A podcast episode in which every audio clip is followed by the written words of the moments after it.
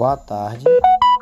Aqui sou o aluno Diego Rômulo Silva Veloso, do curso de Matemática do Polo Viana.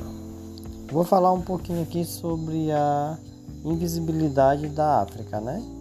E dentro desse contexto, vou falar também sobre uma disciplina que está entrando agora na grade curricular de muitas escolas, que a verdade já se iniciou desde o ano de 2003, que já era para estar na grade curricular, mas tem muitas escolas que não se adaptaram a isso, pois não tem um material didático que já era para ter.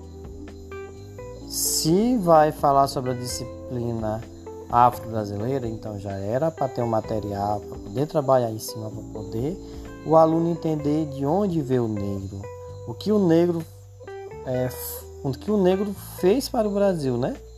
Porque nós sabemos que foi muito, trabalhou muito. Foi um dos pilares. Na verdade, ele foi um dos pilares do nosso país. Certo? É, dentre os fatores destacados para explicar essa pouca institucionalização da lei estavam. São dois fatores aqui é, a ausência de material didático e referência teórica consistente e referente à história da África, como eu falei. Não tem um material didático para poder trabalhar em cima disso, porque precisa. O professor que for trabalhar essa disciplina precisa ter material, precisa ter pesquisa. Porque a história nós temos muito, já ouvi muito falar sobre o que o negro fez para o Brasil, que hoje em dia tem que ser respeitado, pois já trabalhou muito e também sobre a deficiência na formação inicial dos docentes no trato com as questões étnico-raciais. Por quê? Porque os docentes hoje em dia eles têm que trabalhar, eles têm que estudar para poder repassar para o aluno. Eu estudo matemática para me poder repassar para o meu aluno aquele determinado assunto. Então deveria ter uma faculdade para aquilo, que é a faculdade que está dentro de história, que a pessoa vai aprender, né? Certo. É...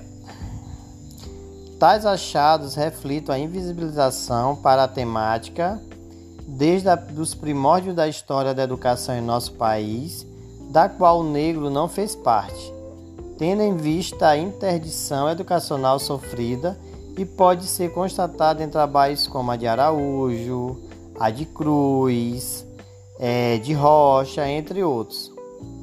A escola, como não há um lugar para os negros constituir pela invisibilidade, pelo esquecimento e pela omissão, e como lugar de políticas de negação do reconhecimento de direito à diferença, a história da educação do negro mostra os determinantes históricos bases do processo de exclusão.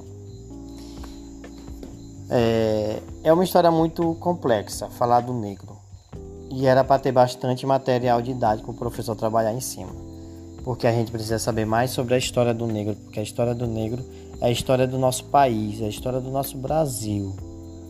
Tem muitas coisas que aconteceram com os negros que a gente precisa estar ciente, precisa saber o que aconteceu. Então, através disso, a sociedade vai se tornando uma sociedade mais fraterna, uma sociedade mais comunicativa.